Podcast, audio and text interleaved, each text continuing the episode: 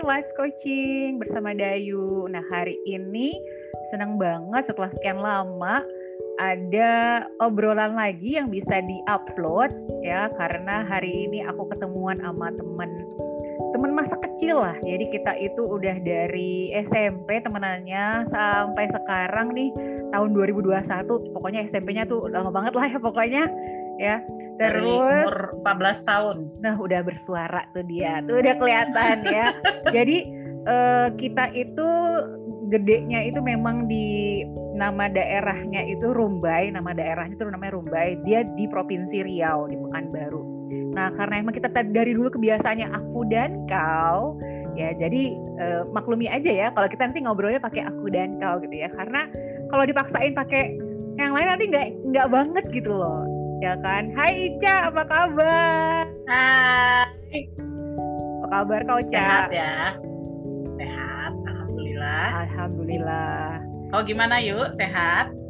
Uh, alhamdulillah walaupun uh, harusnya alhamdulillah aja lah ya. Cuman artinya gini, bosen sih di rumah terus udah sekian tahun di rumah terus sih iya cuman bersyukur banget dalam keadaan sehat walafiat mudah-mudahan sih terus-terus sehat aja amin ya, amin amin bosan-bosan dikit nggak apa-apa lah ya makanya kita ketemuan sekarang Ca. Biar nggak uh, biar nggak gabut-gabut banget lah ya di rumah ya Ca ya.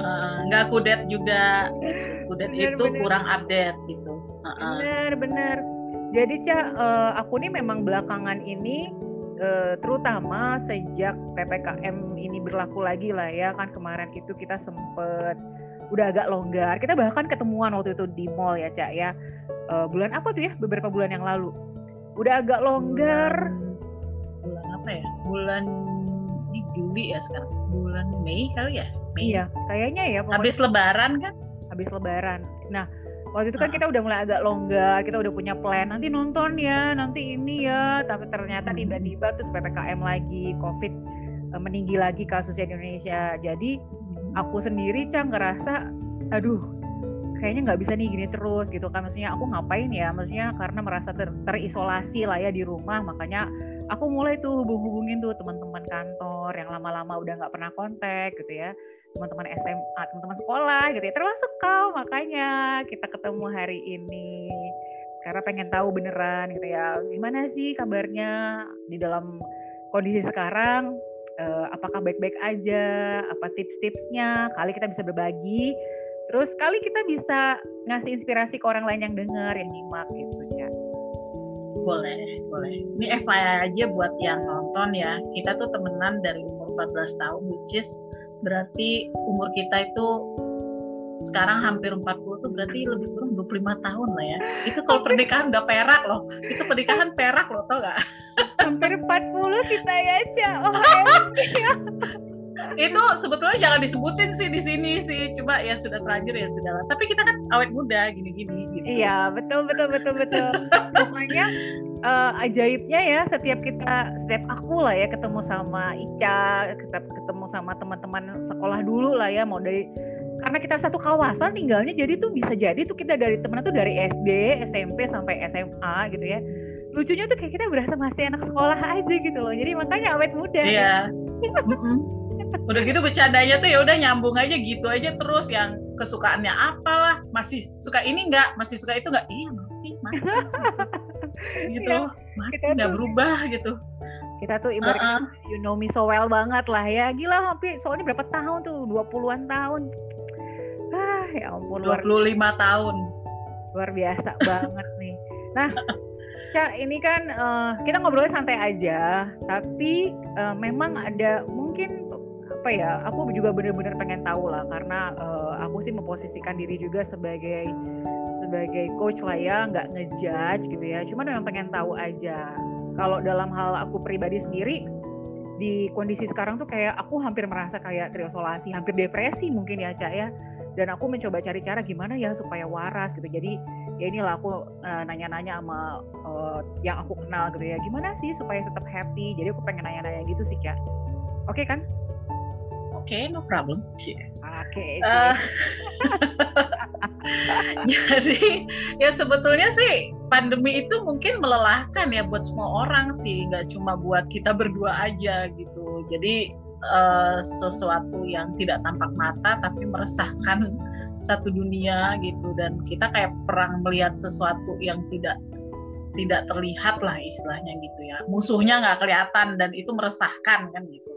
Resahkan. cuma ya ya sangat membuat gundah gulana gelisah gitu nggak karu-karuan lah intinya. Hmm, hmm, hmm, tapi uh, itu kan sebuah situasi yang nggak bisa kita kontrol gitu. Jadi kita harus kayak uh, bisa menyikapi artinya kita tuh harus bisa membuat diri kita itu uh, nyaman dalam situasi yang nggak nyaman ini.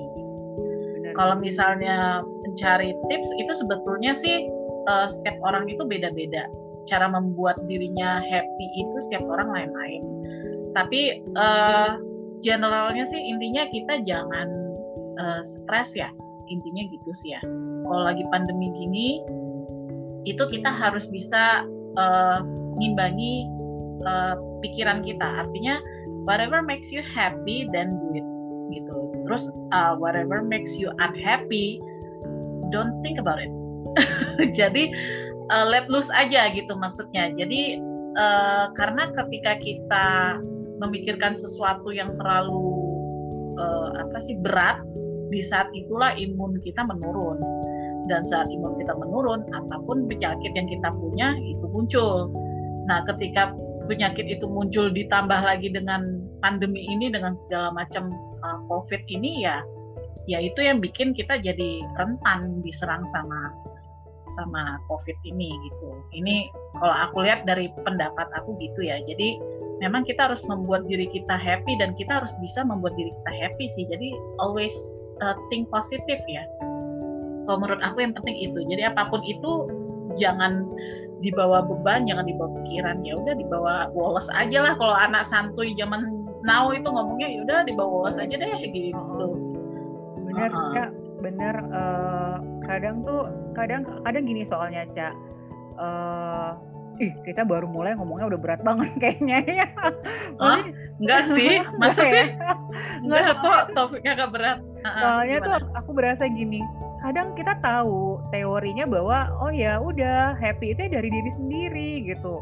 Ya udah pikirannya tuh di dikondisikan lah apa gimana jangan pikirin yang ini cuman kadang-kadang tuh aku sendiri aja gitu ya memang uh, uh, udah mulai praktek kan ya sebagai coach gitu ya baru merintis lah nah kadang-kadang kan aku juga uh, mencoba membuat orang terinspirasi lah ya semoga mereka gimana supaya dapat uh, happinessnya gitu.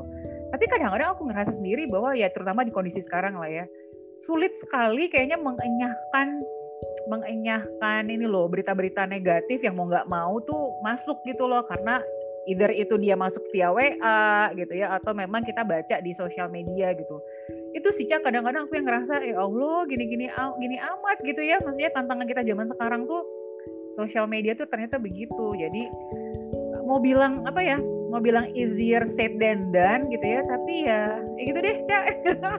Kadang-kadang aku kayak makanya merasa butuh ngobrol sama orang lain supaya maksudnya aku bisa melihat dari oh gitu caranya gitu. Dan kali aja apa yang kita obrolin juga bisa uh, ngasih inilah ya ada proses learning ke orang lain juga gitu.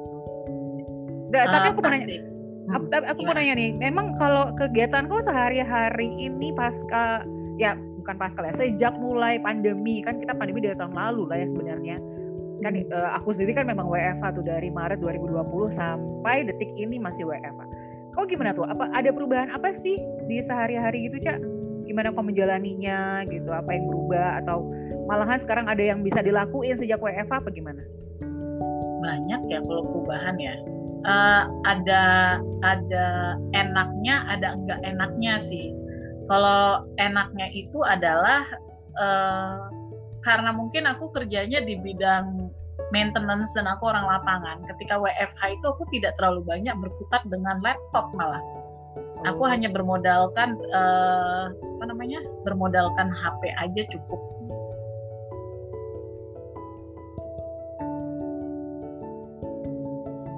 hilang. Uh, Sinyalnya kayaknya kurang oke okay nih.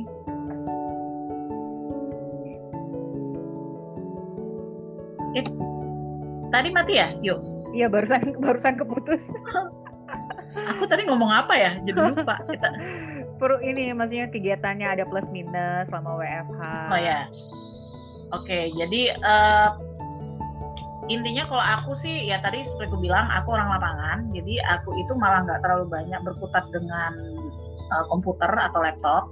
Dan aku tuh uh, bisa buka email di HP jadi yang penting kalau aku either aku mau di rumah apa aku lagi keluar sebentar gitu yang penting HP di tangan. Jadi ketika aku di call gitu atau aku emang perlu balas email ya udah dari HP aja gitu. Jadi nggak perlu penyesuaiannya cuma di situ aja sih. Dan itu nggak setiap hari juga sih aku heboh gitu dengan dengan dengan uh, rutinitas yang biasa aku lakukan tiap hari di kantor. Karena di kantor aku pasti banyak ke lapangan kan gitu. Itu plusnya di situ ya. Bisa sambil agak goler-goler dikit juga jadi yang dulu nggak akan bisa ya dulu nggak akan bisa dulu nggak bisa. Dulu dulu tidurnya di bus gitu. Baik pergi apa pulang tidurnya di bus. Kalau sekarang uh, plusnya adalah aku bisa tidur di rumah gitu. Cuma ya kalau ditelepon ya bangun gitu kan.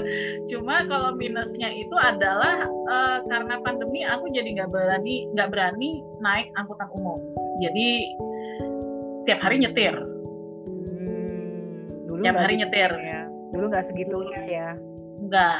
nggak sekarang aku harus bisa ngatur waktu sendiri dan harus siap stamina ya.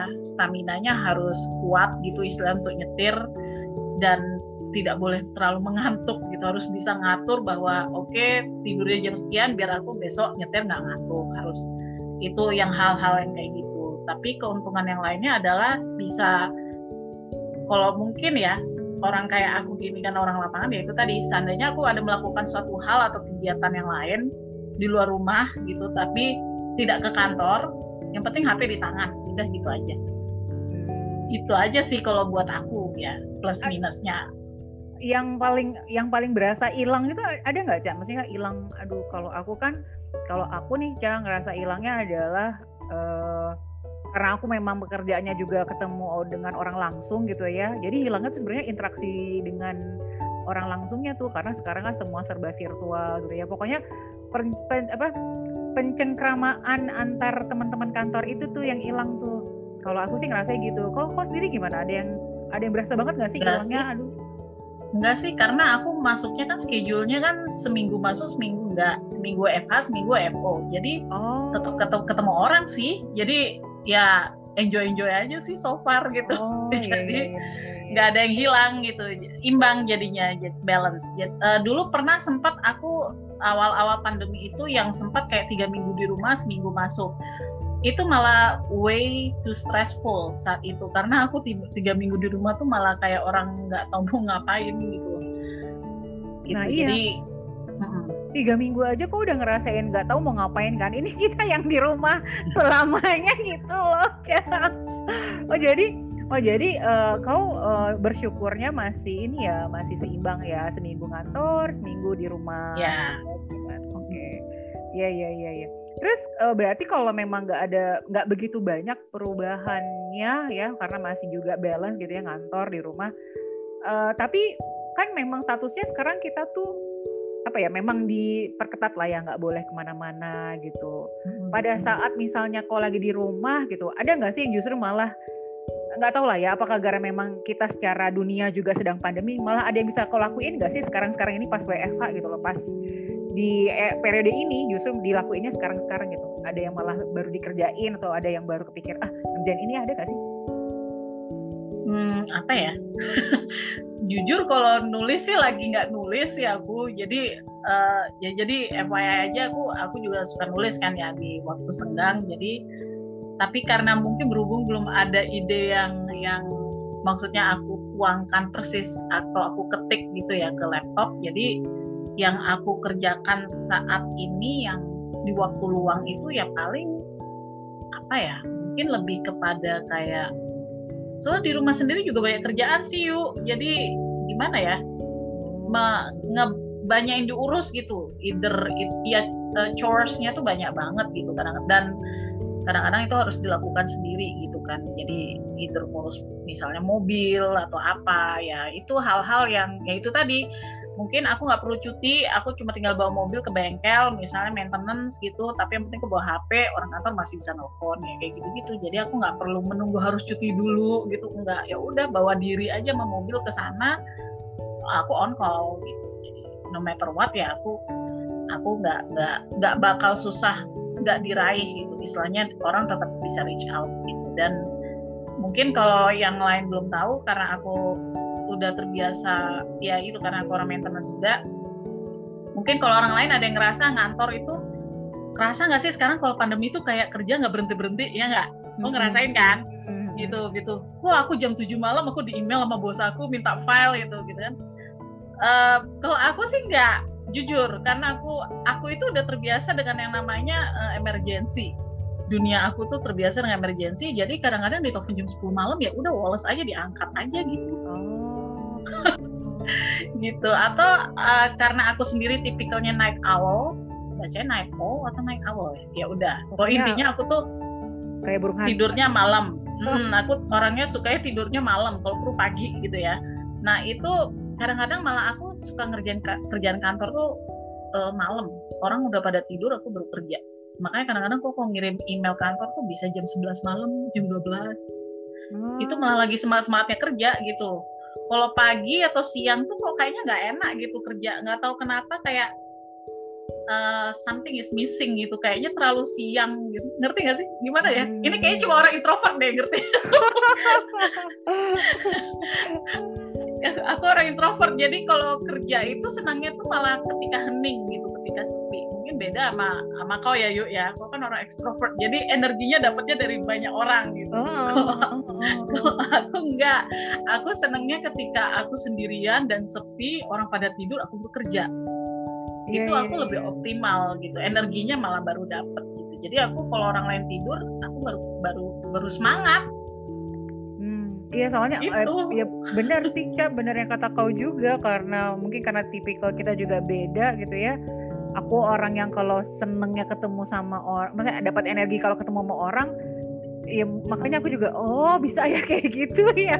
Di, di keadaan sunyi senyap malah optimal gitu kerjanya gitu. Ah gitu happy. Kalau introvert tuh begitu. Dia meraih energinya dengan cara dia sendirian. Dia bersemedi dulu. Itu malah bikin dia happy semakin sepi semakin bagus. Tapi bukan berarti kita seneng uh, kerja di kuburan ya. Nah, itu lain konteks. kita nggak mau jadi kayak Amityville horror juga kan tuh film.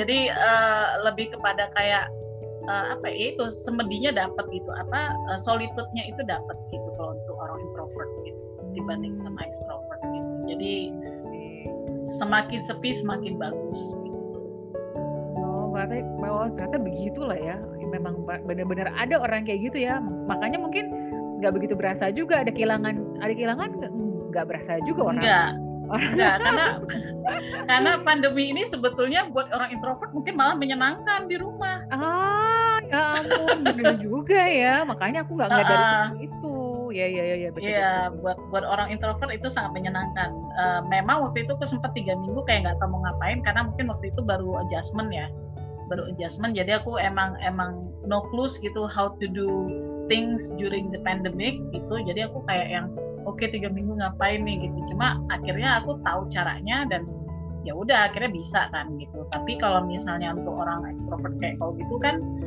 uh, kau harus ketemu dengan orang banyak gitu. Hmm. baru bisa kau dapat energi baru ini segala macam gitu ya. Hmm. makanya tantangan emang sih buat orang ekstrovert biasanya kan Mm-mm, makanya kan Cak kemarin yang pas kita akhirnya ketemuan setelah sekian lama gitu ya. Setelah sekian lama pokoknya kita hampir ya ada lah memang lost lost kontak juga gitu ya. Terus belakangan pas emang pandemi lah ya Cak aku mulai hubungin gara-gara I need to find someone gitu loh. Karena kalau enggak ah masa hidup sendiri sih? Masa nggak sendiri di rumah sih ada ya suami anak-anak gitu ya. Cuman I need someone to talk about other things gitu loh. Makanya aku itulah ya ya itulah bukti aku memang kalau ketemu, eh, ketemu orang tuh dapat energi. Karena enggak kalau kalau kalau enggak ya aku kayak hampir depresi gitu loh. Aku nggak tahu lah ya ini termasuk depresi atau enggak cuman aku aku tahu aku harus menolong menolong aku sendiri. Ya udah makanya aku reach out teman-teman aku. Cak terus kalau bisa dibilang tuh aku atau gini uh, bisa dibilang berarti hikmahnya apa cak? Kalau misalnya ya pandemi ini tuh katanya kan ada nggak semuanya negatif gitu. Ada ya setiap hal pasti ada positif ada negatifnya. Terus setiap hal terjadi tuh ada hikmahnya. Buat kau sendiri apa tuh berarti kalau di masa sekarang hikmahnya? Hikmahnya hikmahnya apa ya? Pandemi ini kita jadi lebih fokus sama kesehatan ya.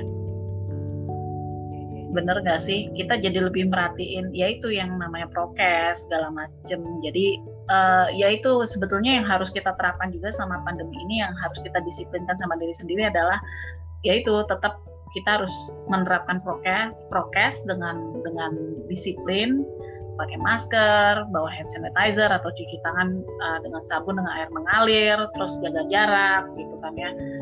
Uh, itu mungkin buat sebagian besar orang mungkin tidak gampang gitu, tapi uh, it's necessary to do kan. Itu buat kita juga dan buat orang-orang di sekeliling kita juga kan. Jadi dan ya itu tadi kita jadi lebih merhatiin kesehatan gitu. Jadi kayak gimana sih caranya meningkatkan imunitas tubuh makanan apa aja sih yang harus kita asup gitu kan ya hmm. jadi lebih aware kan yang tadinya nggak suka olahraga jadi suka olahraga bukan oh, jadi suka gitu juga kok, menerap, kok menerapkan itu sekarang uh, kebetulan sih sebelum pandemi aku sebetulnya udah olahraga sih jadi uh, sebelum dari 2019 itu aku udah olahraga udah sepedaan udah sepedaan dari 2019 Maret sebetulnya. Hmm. Jadi jauh sebelum orang itu pada sepedaan dengan segala macam bentuk sepedanya yang super pendek dan super aku nggak ngerti gimana caranya naiknya itu.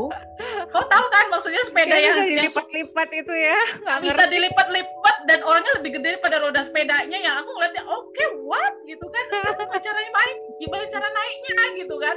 Sementara aku pakai pakai sepeda jadul yang dulu aku pakai waktu masih di Rumbai kok tahu sepeda aku tuh umurnya juga sama kayak kita udah temenan gitu? Ya ampun Jadi, masih ada. masih ada masih ada banget gitu sepeda yang warna biru itu gitu. Jadi uh, ketika itu aku udah sepedaan dari 2019 awal dan habis itu uh, pas banget pas pandemi Maret 2020 yang lalu itu sepedaku tuh rusak somehow. Padahal aku waktu itu udah istilahnya lagi semangat semangatnya olahraga kan lagi semangat semangatnya sepedaan. Terus setelah itu akhirnya entah kenapa berat badanku jadi tambah naik. Aku merasa kayaknya kok aku itu sudah mencoba menurunkan berat badan naik lagi gitu. Pas lebaran itu aku sangat lebar yuk. Aku sempat obes.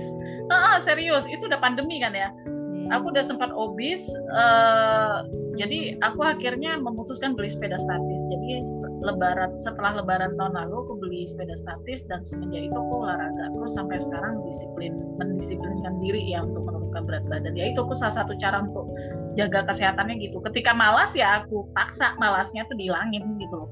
Uh, karena kalau nggak kayak gitu Iya, itu memang perjuangan sih untuk menghilangkan rasa malas itu gitu. Tapi ketika udah sepedaan udah nggak ada malasnya kan sebetulnya.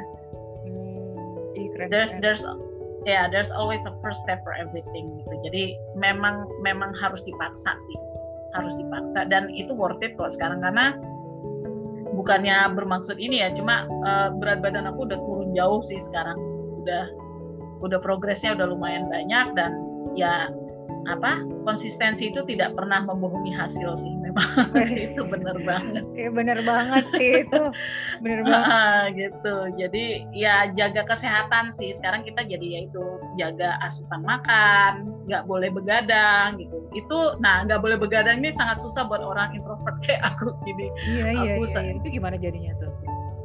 Uh, gimana ya? Ya kadang sih memang begadang juga gitu. Cuma aku tidak membuat frekuensinya jadi sering jadi kadang-kadang itu uh, aku melim apa membuatnya tuh kayak jadi suasana yang happy. Aku kan suka musik ya. Jadi kadang-kadang tuh ya malam-malam itu sendirian gitu kalau lagi nggak ngerjain sesuatu ya aku dengerin iPod atau aku nonton nonton Netflix nonton streaming kayak gitu-gitu hmm. yang yang bikin hati happy aja sih. Gitu jadi nggak dibikin ribet gitu. Ya tetap bangun pagi tetap apa rutinitas sholat subuh segala macem. Cuma ya nggak nggak dibikin stres gitu loh istilahnya. Jadi hobi-hobi yang aku ada dari dulu ya tetap dilaksanakan. Iya iya. Gitu. Iya setuju juga sih. Setuju tuh apa sekarang itu ya memang orang akhirnya jadi lebih aware ya. Banyak banget sekarang kalau ya setidaknya uh, sosial media yang aku ikutin sekarang pun daripada aku ikutin berita-berita negatif tuh aku lebih lebih cari menu-menu sehat. Itu banyak banget sekarang konten-konten ma ma apa masakan sehat itu udah mulai banyak di Instagram gitu ya. Terus gerakan-gerakan olahraga udah mulai banyak. Bener banget sih cak. Uh, mungkin hikmahnya dari pandemi itu adalah banyak orang yang mengajak ke kebaikan situ ayo jaga pola makan ayo jaga aktivitas. Tapi walaupun konsisten itu yang susah. Tapi ya itu konsistensi itu yang tidak pernah membohongi hasil itu aku setuju banget itu. Setuju banget. Ya, itulah. Eh aku tuh lagi ya pokoknya nanti lah ya itu itu tantangan diri aku sendiri nih. Terus ya uh, tadi aku juga inilah ya maksudnya nyimak lah maksudnya kau uh, ya kau bilang juga ya itulah salah satunya yang membuat aku happy gitu ya. Nah, uh, bicara mengenai happy gitu ya, aku sih mau langsung nanya aja. Uh, what is happiness? Happiness to you tuh apa sebenarnya, actually? Apa ya? Sebenarnya definisi kebahagiaan itu untuk setiap orang berbeda-beda sih. Hmm. Dan aku sih, uh, with my own opinion itu nggak semua nggak semua orang, nggak semua individu tuh kayaknya ngerti deh dengan definisi kebahagiaan. Hmm. Menurut? Uh, kebahagiaan itu adalah ya sesuatu yang membuat kita itu apa ya uh, kita bisa mendapatkan sesuatu dan itu tidak membebani kita gitu loh apa pun itu bentuknya ya sebelum kalau contoh simpel misalnya gini aku lagi pengen makan uh, corn dog misalnya nih. Kalau kan sebagai penggemar uh, Korea, uh, Korea ya. Jadi aku sampai sekarang tuh penasaran sama yang namanya corn dog serius. Dan itu belum tercapai gitu. Cuma ya udahlah misalnya pengen corn dog just as simple as that gitu. Dan sekonyong-konyong misalnya uh, kok pesan online gitu tolong dong nih corn dog gitu bla bla bla kok pesan berapa biji terus dia dateng kok terus menikmati corn dog itu. Oh jadi gini rasanya corn dog selesai. Kok bahagia ya jadi maksudnya kau bisa mencapai apa yang kau inginkan dan kau ada perasaan puas gitu gitu. Sebetulnya itu cuma contoh simpel tapi mungkin ya itu aku bilang kebahagiaan itu setiap orang lain-lain. Makanya selalu suka ada hashtag bahagia itu sederhana. Hmm, benar benar ya ya itu kita sebetulnya nggak ribet sih cari suatu kebahagiaan. Cuma kenapa sih manusia tuh banyak nggak bahagia? Sebetulnya banyak faktor ya. Mungkin salah satunya ego. Egonya itu nggak mau mengakui bahwa oke okay, semua bisa bahagia sih ke sana tapi udah gitu gue udah nyaman nih sama keadaan gue gitu. Gitu nah yang hal-hal seperti itu yang membuat semuanya yang tadinya simple jadi complicated menurut aku sih. Oh, bener uh, ini cak maksudnya aku jadi kepikir gini karena uh, entahlah ya entah itu narasinya zaman dulu di, di udah di udah ditimbun lah ya atau udah di, di udah di apa ya didoktrin dari awal gitu ya bahagia itu ya sukses di kerjaan katanya bahagia itu ya kalau uh, menikah katanya gitu bahagia itu ya kalau bisa keliling dunia atau bahagia itu ya kalau duitnya banyak pokoknya hal-hal yang bersifat seperti itu tuh cak maksudnya uh, ya itu tuh maksudnya menurut aku nah menurut kau sendiri itu enggak apa maksudnya menurut kau gimana tuh? Kan katanya begitu gitu kau sendiri gimana uh, itu tadi yang kau sebutin itu lebih ke, kayak ke paradigma ya. Sebetulnya hmm, hmm. cara pandang atau mungkin malah beberapa dari itu itu merupakan sebuah contoh gitu. Contoh yang bisa bikin kita bahagia. Tapi itu bukan definisi kebahagiaan sih kalau menurut aku. Kalau menurut aku ya itu tadi kalau kebahagiaan itu apa ya? Apa pun yang membuat kita itu hati kita itu puas seneng dan itu tercapai gitu. Udah sih cukup sih kalau kalau caranya ternyata kita harus jalan-jalan ke luar negeri dulu dan itu bisa bikin kita happy. Mm-hmm. ya. Hilang lagi.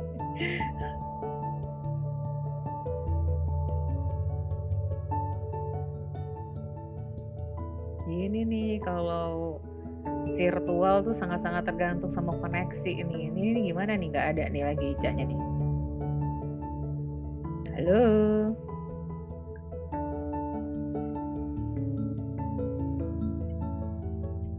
Nah, nah begini nih keadaannya kalau virtual ya. Kadang bisa hilang timbul suaranya. Cak tadi sampai di mana nih pembahasannya? Oh lagi ngomong apa tadi tuh? Contoh kebahagiaan. Jadi sebetulnya uh, kebahagiaan itu mungkin kalau tadi ada yang senang jalan-jalan ke luar negeri dan itu bisa bikin bahagia ya itu kan cuma salah satu cara, salah satu contoh. Kalau kalau emang itu bikin dia happy ya sudah so be it sih gitu. Atau misalnya misalnya gini, atau enggak itu kan tadi banyak kan uh, bentuknya kayak materi ya. Atau gini deh. Uh, anggaplah kita misalnya uh, jiwa sosialnya tinggi dan ketika kita menolong orang uh, dia happy bikin kita happy nggak sih? Hmm, iya happy, happy pastinya. As simple as that kan sebetulnya bahagia itu, benar nggak? Hmm, benar, benar. Nah itu yang menurut aku sih yang mungkin orang-orang banyak yang lupa ya, banyak yang ya ibaratnya mungkin nggak kurang bersyukur lah misalnya. Jadi lupa bahwa kebahagiaan itu sebenarnya kita sendiri yang nentuin dan kita sendiri yang bisa mendefinisikan gitu. Tapi uh, kalau misalnya nih uh, kan kalau kalau tercapai kan berarti happy lah ya.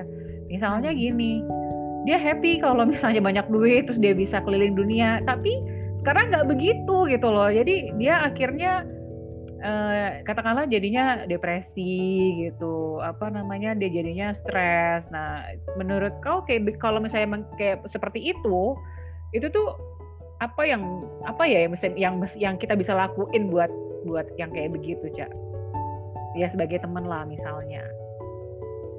Uh, jadi maksudnya tadi yang kalau ada yang depresi gitu maksudnya ya? Ya kan kalau kan uh, or, tadi kalau misalnya emang uh, pengertiannya gitu uh, kalau tercapai keinginannya happy. Kalau nggak tercapai kan berarti stres tuh kan nggak tercapai. Karena hmm. mau keliling dunia kan masih banyak duit tapi duitnya sekarang nggak ada nih. Berarti kan stres tuh depresi juga. Sih jadi sebetulnya sih duitnya ada tapi nggak bisa perginya itu loh. Duitnya sih ada-ada aja gitu kan. Cuma kan nggak bisa perginya itu dengan segala macam PCR lah ya swab antigen lah ya sebegitu rumitnya yang membuat kita jadi kayak agak berpikir kalau mau pergi gitu pikir seribu kali.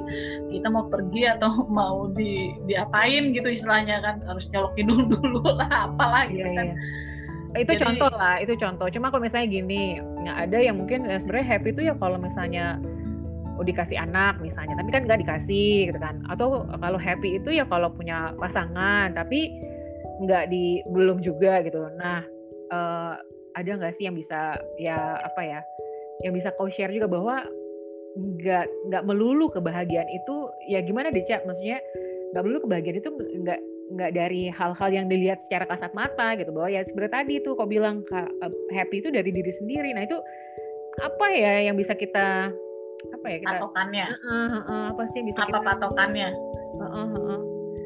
ya itu balik lagi sebetulnya yang tahu kita sendiri sih gitu. Sekarang gini deh uh, ada beberapa uh, beberapa jomblo uh, dia jomblo tapi dia bisa bikin dirinya happy Nah, mungkin uh, paradigmanya dia adalah nanti setelah nikah itu akan lebih happy lagi. Mungkin buat para jomblo nggak ngerti bahwa kehidupan setelah nikah itu lebih riuh gitu ya daripada hmm. ketika dia jomblo gitu. Ada juga yang berpikir ketika dia sudah menikah mungkin akan lebih happy ketika ada anak gitu. Dia nggak tahu bahwa ketika punya anak nggak tidur itu malam gitu loh istilahnya. Bakal istilahnya mata tuh melek sampai pagi sibuk nyusuin lah apa besok pagi ke kantor matanya merem-merem gimana. Nah yang nah hal-hal yang kayak gitu tuh mungkin yang miss gitu buat orang-orang. Kalau menurut aku sih sebetulnya lebih kita lebih ke bersyukur ya.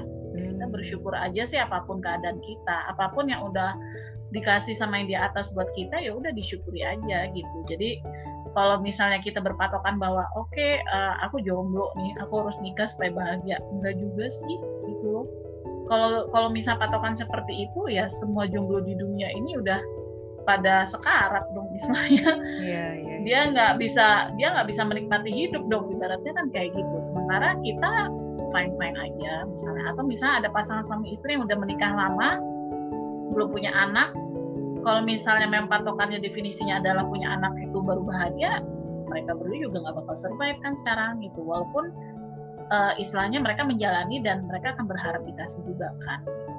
Jadi intinya sih be grateful aja sih dengan yeah. situasi yang ada sekarang gitu. Iya ya intinya sih tadi bersyukur ya. Dengan bersyukur kita juga akan ya itu akan happy. Dan ya intinya mungkin zaman sekarang nggak bisa lagi kita nentuin apa ya nentuin orang happy itu hanya dari yang kasat mata ya kalau misalnya kitanya lah ya kitanya. Setidaknya aku juga jadi berkaca ke diri sendiri bahwa oh ya happy itu ya memang hanya orang tersebut yang ngerasain. Kita nggak bisa nentuin iya pasti dia happy banget ya karena dia udah uh, udah tajir melintir udah jadi artis gitu kan. Nggak bisa juga gitu ternyata ya. Yang ya artisnya terjun melintir aja udah terlibat kasus. Iya. jadi bener bener bener. Duitnya apa? duitnya banyak dia mau ke mana aja bisa lah. Emang kita gitu kan ibaratnya. Cuma iya, iya. Ya ya itulah kita mungkin uh, belajar menyikapinya itu kan yang susah gitu sekarang di, di di pandemi ini kan. Gimana sih caranya kita di saat kita itu kayak dikurung gitu dalam arti tapi kita bisa tetap berusaha normal. We we can keep our sanity gitu kan ibaratnya gitu.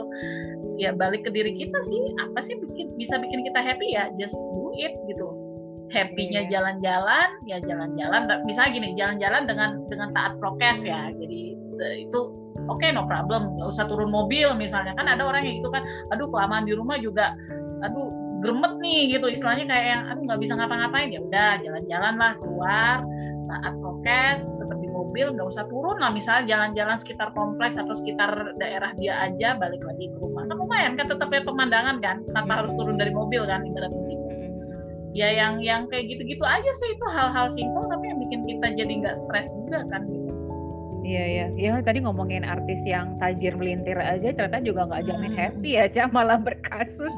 Kita kita tuh mikirnya, aduh apalagi coba yang dicari suami tajir, anak cakep-cakep. Ah ya suami setia. Oh, oh sampai ke sampai berkasus saja bareng gitu.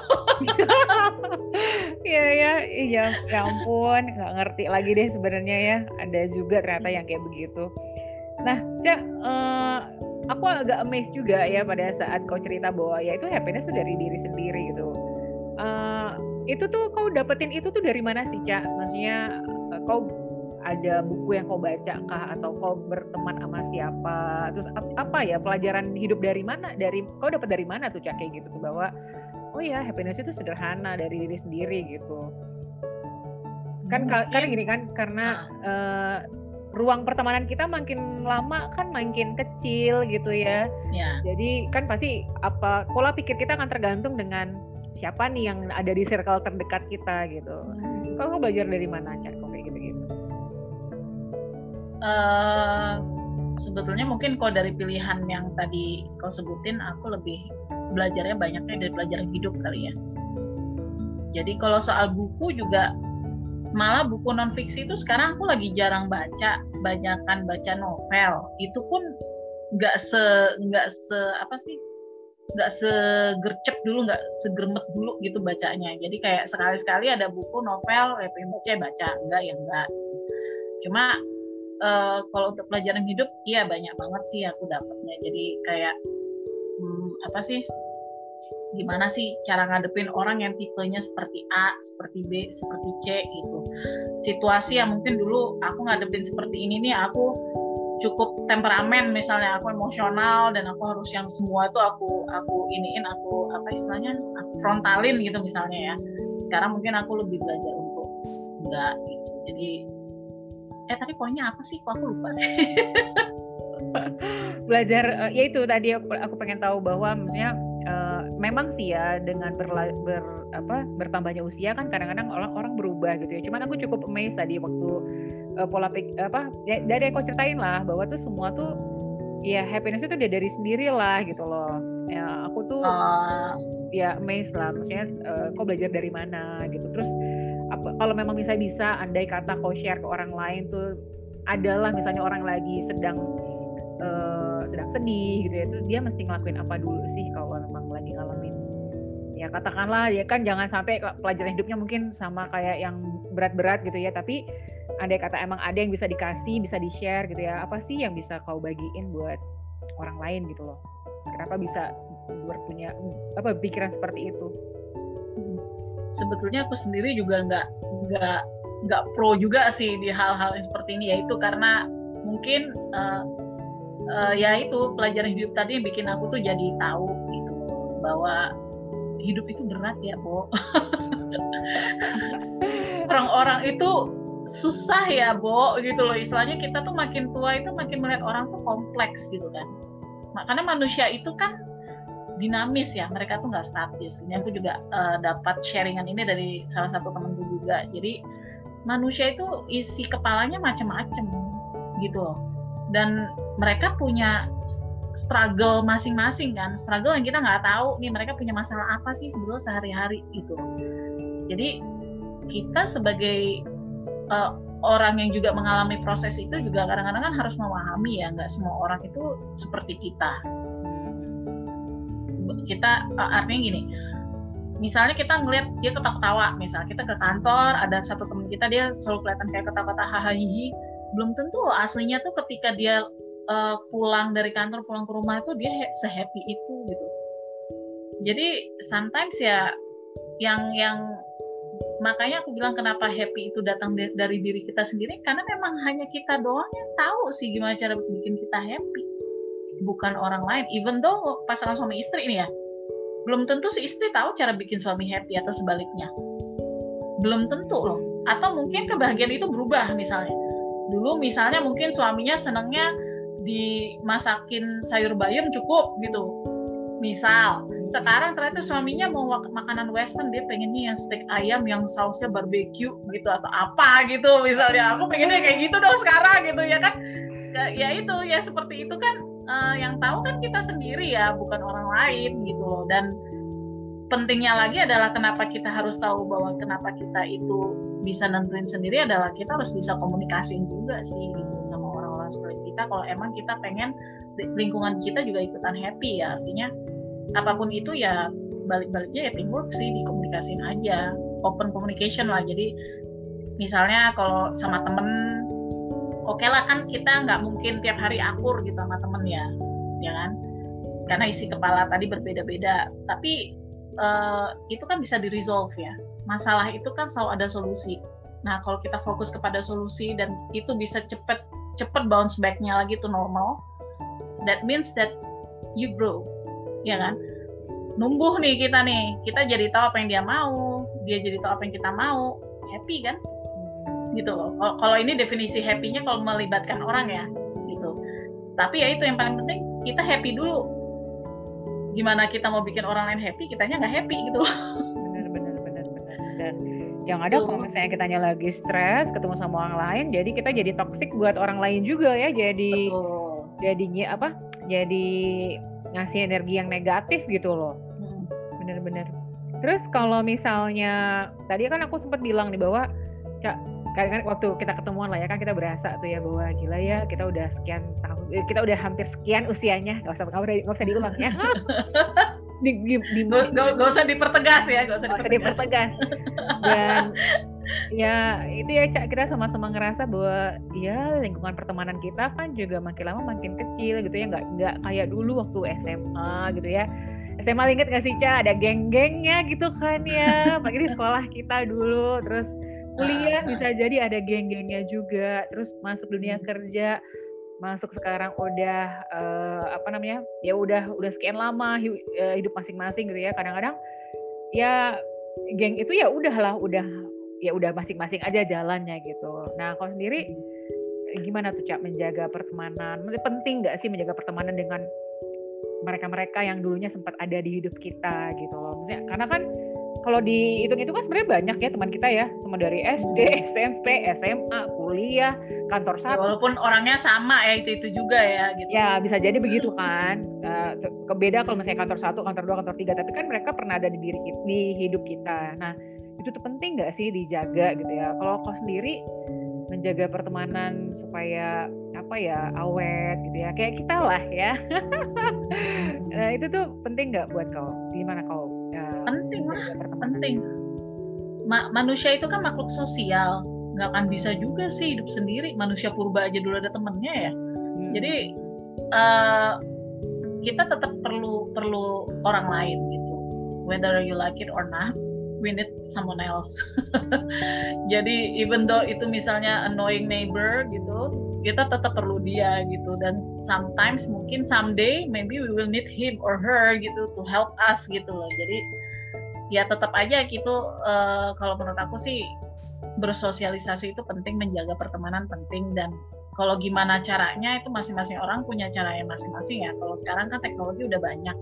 Kita dulu mungkin zaman kita masih pakai yang apa? email group tahu nggak yuk ya, ya, email ya, ya. Yahoo. Iya iya iya. Yang yang satu nimpal kapan yang jawab nimpal kapan gitu kan ya istilahnya. Jadi nggak nggak instan nggak kayak sekarang kan nggak canggih. Kalau sekarang kan udah ada kayak WhatsApp either itu misalnya apa sih namanya signal atau macam-macam lain gitu ya yang bisa istilahnya kita bisa pakai itu sebagai uh, wahana komunikasi dengan termasuk teman-teman lama yang ada grupnya lah ini segala macam ya kalau itu bisa dilakukan ya why not gitu. Tapi kan setiap orang caranya lain-lain ya. Mungkin ada yang dia cuma kayak pendengar pasif doang. Ya udah nongol yang penting nyetor nama gitu kan. Ada nama aku happy happy gitu kan. Cuma dia nggak pernah ngomong gitu kan.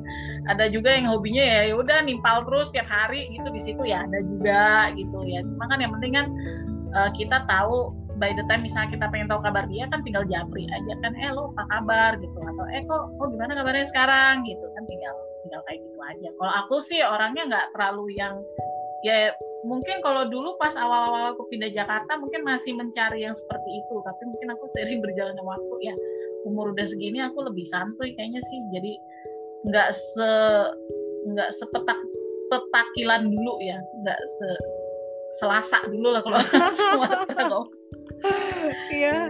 Aku, aku orang introvert tapi doyan jalan-jalan sebenarnya. Jadi sebetulnya diem di rumah juga sebetulnya agak-agak membunuh secara pelan-pelan. Cuma mungkin karena aku udah tahu caranya sekarang, jadi aku nggak nggak terlalu pusing gitu. Tapi perlu tetap perlu sih untuk sosialisasi itu sangat sangat perlu.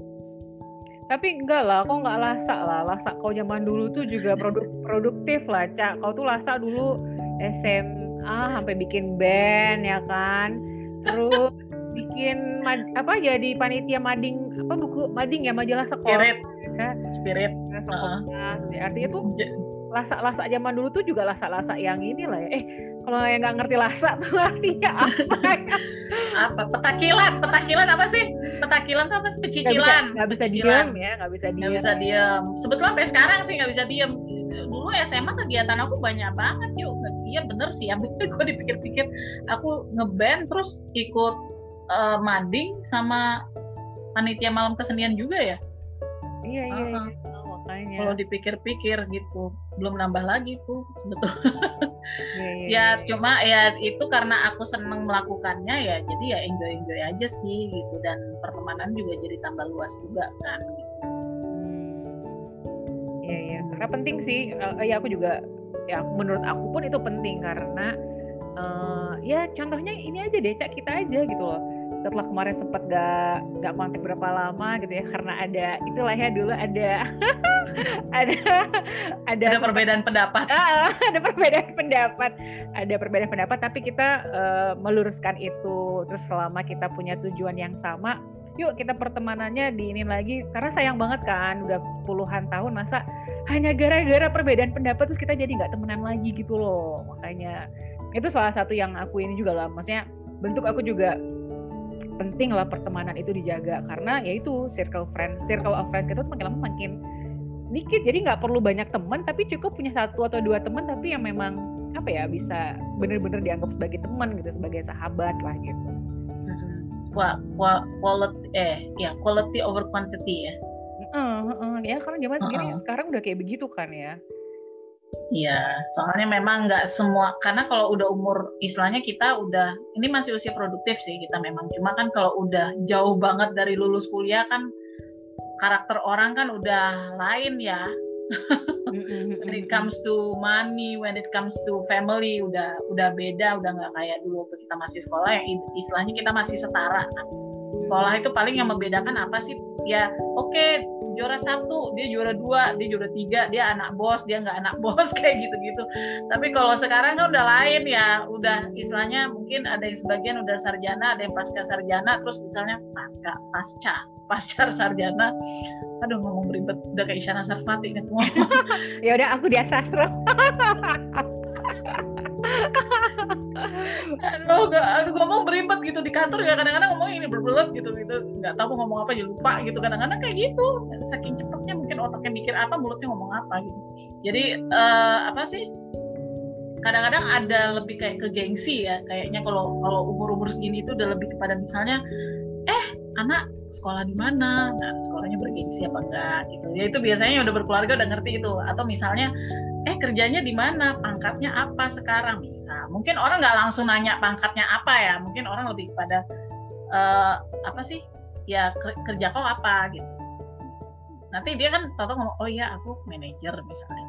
Atau oh aku ya aku supervisor. Oh enggak aku nggak punya anak buah misalnya. Kan ketahuan ya levelnya jadinya kan. Nah, hal-hal hal-hal itu yang membuat kita tuh kadang-kadang ya nggak gampang berinteraksi dengan nggak semudah itu seperti waktu kita waktu sekolah dulu. Kalau sekolah dulu ya udah kan ya aku pinjam catatan lah gitu. Ini ada PR ini udah pinjam deh pagi-pagi deh ini siapa yang paling pinter nih misalnya gitu. Kita dulu mungkin punya Andi Credo gitu. Kan pinjam catatan di pinjam PR kau lah gitu kan. Aku mohon nih begging begging gitu sampai kayak gitu. Nggak peduli bahwa guru udah masuk kelas masih catat aja gitu. Itu aku sih sebenarnya. Cuma ya udah aku jadi bukan rahasia pribadi. Cuma ya maksudnya tuh intinya ya kayak gitu. Hal-hal itu yang membuat kita tuh jadi kayak satu sama lain tuh kayak beda gitu jadinya. Kalau untuk usia seperti kita sekarang. Nanti mungkin kalau kita udah berumur lain lagi kali levelnya apa gitu. Iya iya iya, iya. oke. Nah sekarang aku mau nanya yang agak lebih general sih cak uh, kan kita juga menyadari lah ya udahlah memang lingkungan pertemanan kita juga makin uh, ter, makin kecil gitu ya. Tapi kan di luar sana pun sekarang itu khususnya lah ya cak khususnya aku juga aku kan join komunitas juga gitu ya di mana tuh hmm. hashtagnya kan selalu woman empower women empowered woman gitu kan ya nah menurut kau sendiri sekian lama lah kita uh, ya seusia sekarang lah ya kau ngerasa nggak sih di secara umum gitu ya atau secara khusus kau, kau merasa nggak sih sesama perempuan tuh zaman sekarang itu berasa empoweringnya atau malah malah lebih banyak julidnya. Menurut kau gimana? Hmm, Oke, okay, staff. uh, susah ya aku mau jawab secara gamblang. aku kan belok-belok dulu tuh jawab pertanyaan itu. Jadi uh, kalau di luar negeri itu mungkin uh, woman empowerment itu sangat sangat dicari malah ya istilahnya mereka tuh akan mencoba gimana caranya tuh wanita satu sama lain tuh saling mendukung gitu. Dan itu sangat di encourage banget kalau dalam negeri gitu. Karena apa? Cara pikir mereka kan udah maju ya. Bukan aku bilang bahwa kita cara pikirnya berbakala dan juga. Cuma maksudnya tuh mereka itu lebih menerima bahwa kok ada sesuatu itu nggak dikomentarin sih. Lebih dikomentarin tapi caranya tuh nggak nggak apa ya? Caranya tuh lebih berkelas gitu lebih elegan gitu dibanding kita yang di sini mungkin yang kita sebut netizen gitu. Suka agak-agak kejam gitu kadang-kadang gitu ya kalau ngomentarin hidup siapa pun itu yang ada di di video di depan dia gitu istilahnya. Cuma maksud aku uh, di Indonesia kayaknya masih agak agak susah woman empowerment kalau menurut aku sih.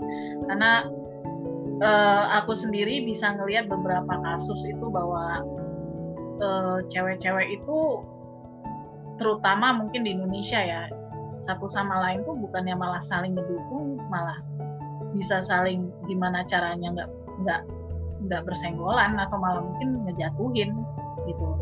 Karena banyak faktor ya gitu kan either iri atau cemburu atau apa nggak tahu lah gitu. Cuma intinya uh, hal itu masih sangat sangat awam sih kalau di Indonesia sih kalau tapi bukan berarti nggak mungkin ya hal itu mungkin banget dilakukan tapi uh, kayaknya masih perlu perjuangan yang cukup keras sih untuk menyadarkan bahwa kita tuh sebagai wanita itu harus bisa saling mendukung satu sama lain gitu bukan yang malah saling jatuhin mm-hmm. gitu peluang itu ada dan mungkin ya pioneernya mungkin dari kau dulu kali bisa jadi kan gitu yeah. kalau aku sendiri sih Hmm, kalau aku sendiri sebetulnya ngedukung sih. Memang soalnya kita sebagai sesama wanita tuh nggak boleh saling menjatuhkan sih. Harusnya kita tuh malah harusnya apa sih bisa saling nge-backup gitu. Cuma belum banyak yang mengerti sih kalau kalau aku bilang belum banyak paham itu PR yang sangat besar sih kalau menurut aku iya iya benar juga tuh uh, apa namanya soalnya kan balik lagi hmm, kalau hal sepele aja deh hal sederhana gitu ya. Ya nggak di dunia maya gitu ya ataupun di dunia nyata gitu ya. Kadang sesama perempuan itu juga yang misalnya nih uh, itu julid artis gitu. lagi nih. Bukan bukan artis. nggak artis gitu.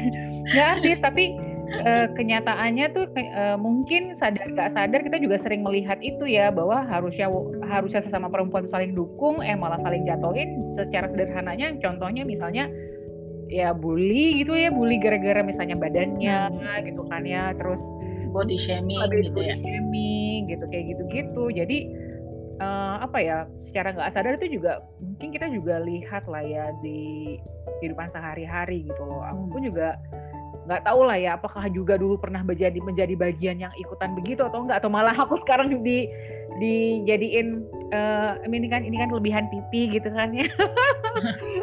Tapi aku, sama sih sama tapi syukurnya sih aku nggak pernah mikirin lah ya nggak nggak pernah mikirin ke situ jadi kalau misalnya ada orang yang bilang uh, bisa membuat omongan orang itu bisa membuat insecure aku sendiri sih kayaknya sih mudah-mudahan nggak pernah ngerasa insecure lah ya maksudnya that's not actually happening karena aku tipikal orang yang masuk kiri keluar kanan gitu. Nah kalau hmm. kau sendiri gimana ngelihatnya?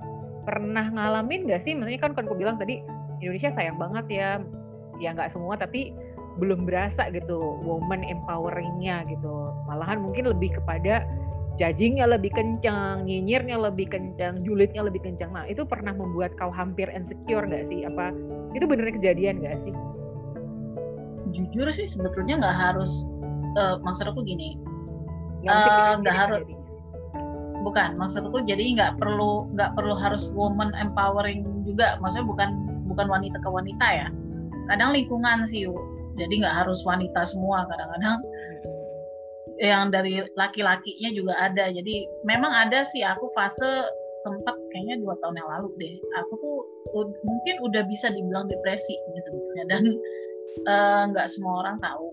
Mungkin yang tahu cuma aku sendiri. Dan aku mungkin saat itu nggak sadar aku depresi. Hmm. jadi aku waktu itu merasa kayak bahwa apa pun yang aku lakukan salah. Dan semua hobi yang aku suka itu either itu aku membaca, nulis, musik, uh, nonton itu satu pun gak ada yang aku lakukan. Aku rasanya kayak enam, enam itu apa sih? Bahasa Indonesia-nya? Lebih kayak uh lumpuh apa gimana gitu ya? Kayak kaku. Uh, nggak bisa ngerasain apa-apa gitu. Nah nggak bisa ngerasain apa-apa. mati rasa. Mati rasa. Aku lebih kayak waktu itu. Dan aku nggak tahu itu namanya depresi. Tapi aku udah sempat mengalami gitu. Jadi uh, itu bukan fase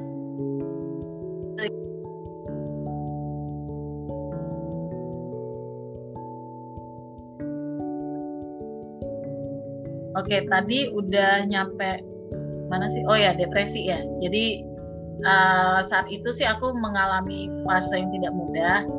Cuma waktu itu mungkin karena aku kalau lagi begitu senang curhat ya.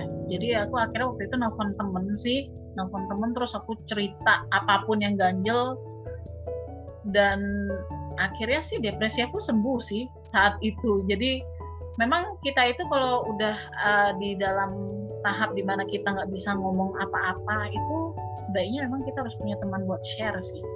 Yang kita percaya ya intinya jangan yang mulutnya ke mana-mana juga gitu. Iyalah. jadi kita bisa trust gitu ke dia untuk keep up our secret gitu. Jadi kita ngomong bahwa wah ini aku kok begini ya? Misalnya nih kerjaan aku begini ini aku begini kalau aku merasa apa pun yang aku lakukan salah gitu misalnya. Ya itulah fungsinya yang tadi kan manusia itu makhluk sosial. Jadi kita mau lagi begini ya carilah temen yang bisa diajak curhat. Dan itu penting buat mental health juga kan ini dari tadi belum disinggung ya mental health. Yeah. mental iya. health itu ternyata sama pentingnya dengan physical health gitu. Dan di sama itu di Indonesia juga belum menjadi kayak suatu hal yang harus digembar-gemborin. Jadi kayak masih kayak dianggap remeh sih menurut aku yang menurut aku malah disayangkan. Karena mental health itu as important as physical health. Kalau kalau misalnya katakanlah uh, boleh lah ya kita berharap. Sebenarnya dari kau yang sudah pernah mengalami gitu ya, mengalami yang kau bilang tadi depresi gitu ya, terus ke Hmm. supaya andai kata ada orang yang mengalami tapi lebih cepat ketemu jawabannya, lebih tep- lebih cepat ketemu solusinya, terus berkaitan dengan mental health. Kau kalau kau boleh berharap apa sih cak yang pengen yang kau harapin gitu nanti ke depannya orang akan gimana terhadap mental health atau gimana? Aku sih berharap eh, mental health-nya lebih di, cepat ditanggepin ya. Mungkin kalau kita pakai istilah kantor cepat di follow up lah. Karena eh, mental health itu bukan sesuatu yang sangat easy to apa ya eh, gampang untuk diobatin nggak kayak kita kalau sakit fisik kan sakit fisik itu kan ya istilahnya kita luka kasih betadin ya udah nanti beberapa hari sembuh gitu kan ya kan fisik jadi kelihatan tapi kalau mental health-nya nggak kelihatan mungkin di luar dia kelihatannya baik-baik aja ketawa ketiwi. Ternyata dia menanggung beban yang sangat luar biasa di dalam kepala dia dan aku tahu beberapa orang yang seperti itu gitu dan yang yang normally aku kalau ngeliat can you do that alone? All of them? Gitu. Jadi kayak dia tuh mengerjakan semuanya sendiri yang which is kalau kalau buat aku kayaknya itu sangat tidak mungkin gitu. Tapi dia melakukannya dan itu ternyata ada pengaruhnya ke mental health-nya dia. Dan pasti ada efeknya gitu dan mungkin mungkin aja dia nggak sadar Iya ya bisa. jadi. sebagian besar orang yang ah, sebagian besar yang mengalami uh, isu dengan mental health aku nggak nggak berani ngomong mental disorder ya maksudnya uh, mental health itu artinya apa pun yang terjadi di dalam pikiran dia inside his mind or her mind itu dia nggak tahu cara menghandle-nya karena dia sendiri mungkin nggak aware kalau dia mengalami itu gitu kalau aku sih jujur aku aku punya mental health itu mental mental health problem gitu. Aku mungkin bisa dibilang termasuk yang punya yang aku punya insomnia. Ya aku punya insomnia dan aku juga eh, dalam beberapa tahap tertentu tuh aku aku apa punya anxiety juga gitu. Cuma mungkin nggak parah ya. Lebih banyaknya ke insomnia itu tadi. Di saat aku sudah mengalami suatu hal yang sangat sangat rumit insomnia aku kumat udah selesai gitu biasanya. Dan kalau udah kayak gitu tuh aku harus kayak cari suatu cara gimana cara aku bisa tidur. Gitu. Aku nggak aku nggak nggak tahu nggak tahu sampai kayak begitu loh cak. Jadi ini kayaknya kita mesti uh, bikin episode berikutnya deh cak untuk ngobrolin yang agak lebih dalam ya. Boleh boleh boleh. Oke nah tapi ini ini lumayan. Nah untuk kali ini mungkin uh, pertanyaan ini deh uh, terakhir deh dari aku. Nanti kita sambungin lagi tuh pemba- pembahasan mengenai isu mental health itu penting banget ya ternyata ya. Nah cak andai kita boleh berharap ya sebentar eh katakanlah ya kita nggak tahu lah ya pandemi akan selesai kapan tapi kan Hmm. katanya nggak ada pandemi nggak akan selesai tapi andai kata boleh andai kata boleh berencana kalau udah selesai nih pandeminya apa sih hal pertama yang paling ingin kau lakuin sesegera mungkin? Apa ya? Jalan-jalan kali. Jalan-jalan ke ke mana aja deh pokoknya keluar Cibubur. Ya udah kita ke Korea ya. Ketemu BTS ya. Enggak aku ke Jepang aja kok yang ke Korea ya. Ah, soalnya gimana ya merasa kayak dikurung aja sih ya kan. Dan dan ya walaupun kadang-kadang aku juga keluar rumah ke kantor juga tetap aja kan jadi kayak yang istilahnya nggak puas gitu. Rasanya kalau ngeliat foto-foto yang kemarin lagi di mana di mana tuh pokoknya kangen masa-masa itu ternyata ya itulah eh, pengalaman itu mahal Iya iya, mudah-mudahan ya cak ya, mudah-mudahan sih pandemi itu cepat selesai. Amin. Terus sampai nanti pandeminya selesai kita jaga-jaga kesehatan lah ya, sehat amin amin, amin. sehat raga supaya kita benar-benar nanti pas udah pandemi selesai, cus kita jalan-jalan. Cak, nih aku nutup eh, dengan pertanyaan this or that. Jadi kau hanya cukup jawab eh, hal pertama yang muncul di benak kau. Nggak usah pakai mikir lama-lama ya. Aku juga nggak ada countdownnya. Jadi langsung aja.